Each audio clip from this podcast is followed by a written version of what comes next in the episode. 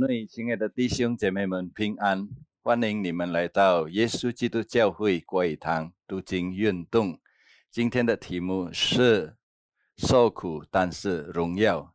经文取自《使徒行传》第七章五十四到六十三节。我们先做一个祷告：天父上帝，我们感谢你，今天我们能够来到你的面前学习你的话语。我们求圣灵高摩你的仆人，也高摩每位听到的弟兄姐妹们，使我们能够明白上帝的话语。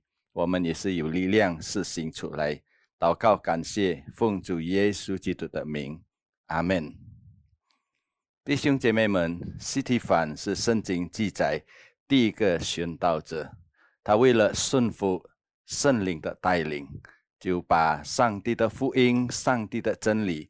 传开，但是他所传的信息引起有一般人的愤怒，他们觉得痛心。为什么他们会愤怒、觉得痛心？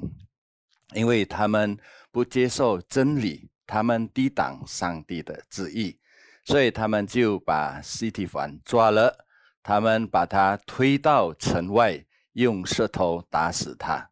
西提凡就成为圣经里面记载。第一个殉道者，为了传扬上帝的旨意，为了传扬上帝的福音，耶稣基督的救恩，他就摆上他的生命。主内，亲爱弟兄姐妹们，从西提反的故事，我们学习两个榜样。第一，我们侍奉上帝的时候，要把最好的献给上帝。西提反虽然他知道人家不喜欢他。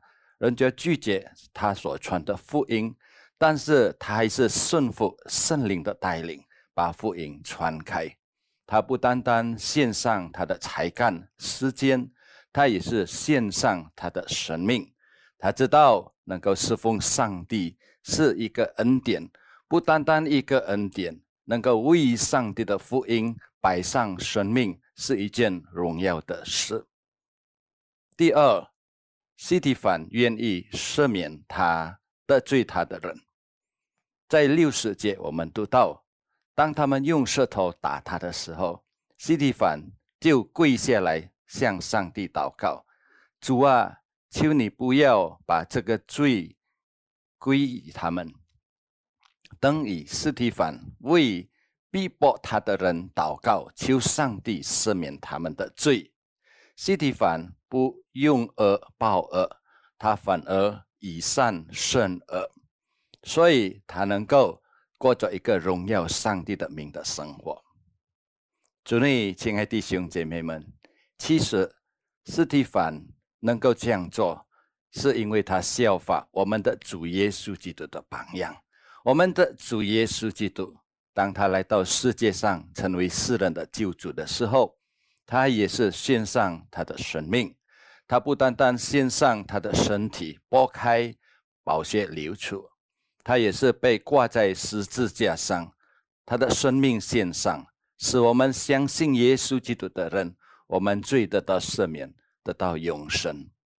当主耶稣基督被挂在十字架，他也是为钉他十字架的人祷告。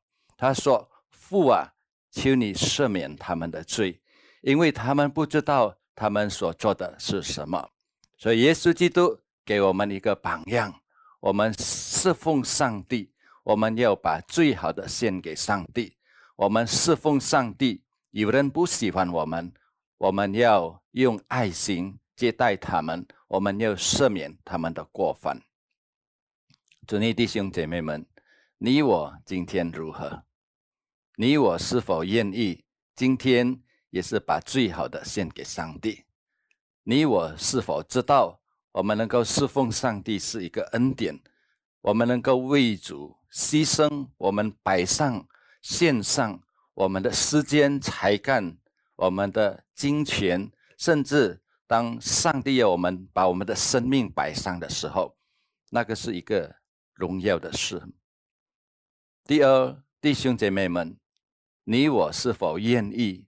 赦免、饶恕他们得罪我们的人。